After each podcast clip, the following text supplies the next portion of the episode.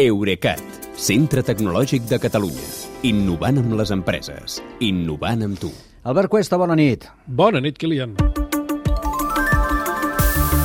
Aviam, crec que no ens la traurem de sobre ja. La intel·ligència artificial, un dia més. Ara arriba la publicitat i no podia ser d'una altra manera, tampoc en aquí, sense polèmica. Aquesta setmana ja he vist a les xarxes socials almenys dos esdeveniments culturals que presumeixen d'haver fet servir la intel·ligència artificial generativa per dissenyar els seus cartells. Un és el Festival de Teatre al carrer de Vilareal i l'altre és el Panòptic de Cinema, Arts Visuals i Pensament A Mataró, de Mataró. no? Sí. sí, efectivament. Uh, aviam, està per veure si ho han fet com a provocació o bé per estalviar, cosa que alguns il·lustradors ja els retreuen.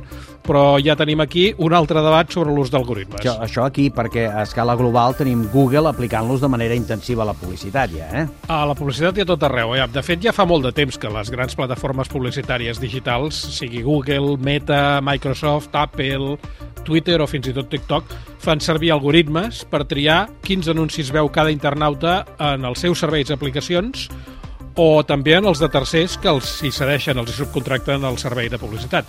L'última novetat, eh, l'explica avui el Financial Times, és que Google no només farà això que feia fins ara, que és optimitzar amb algoritmes quins anuncis presenta, sinó que, que també crearà sobre la marxa el contingut de cada anunci.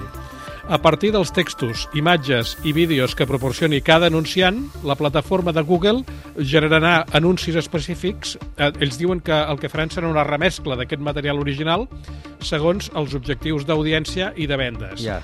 Uh, ja veurem com se'n surten, perquè fins ara els algoritmes generatius no han parat d'oferir-nos exemples d'informació errònia o directament falsa.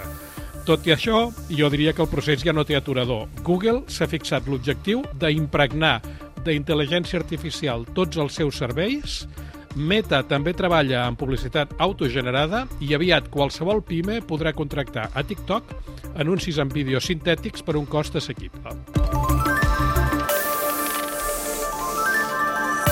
Anem per una altra cosa ara. Ahir parlàvem de cotxes elèctrics. Sí. La gent s'hi va, va enganxar molt a la qüestió dels cotxes elèctrics. Avui, Mhm. avions elèctrics. Uh, sí, al final sí.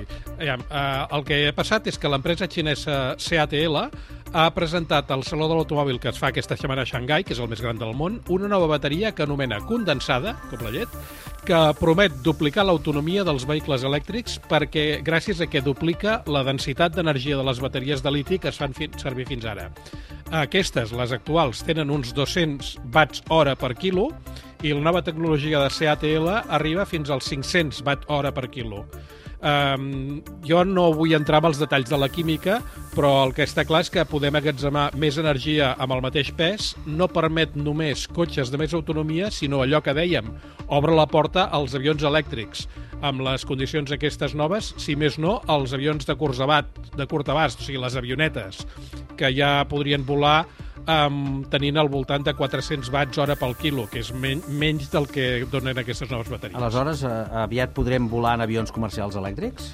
Per això jo diria que encara falta una mica, perquè eh, crec que va ser la NASA que va fer un estudi i van dir que els avions de passatgers elèctrics encara els hi cal més densitat d'energia per ser viable, al voltant dels 800 watts hora per quilo.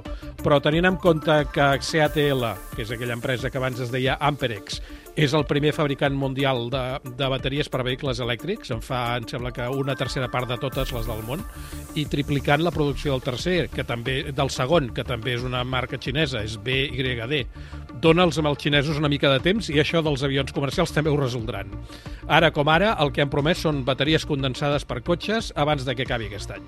Bé, doncs haurem d'anar esperant que vagin arribant noves novetats sobre el món elèctric, que em sembla que Sí. seran imparables. I Moltes tant. gràcies i que vagi bé.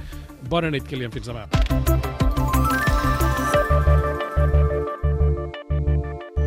Eurecat, centre tecnològic de Catalunya. Innovant amb les empreses. Innovant amb tu.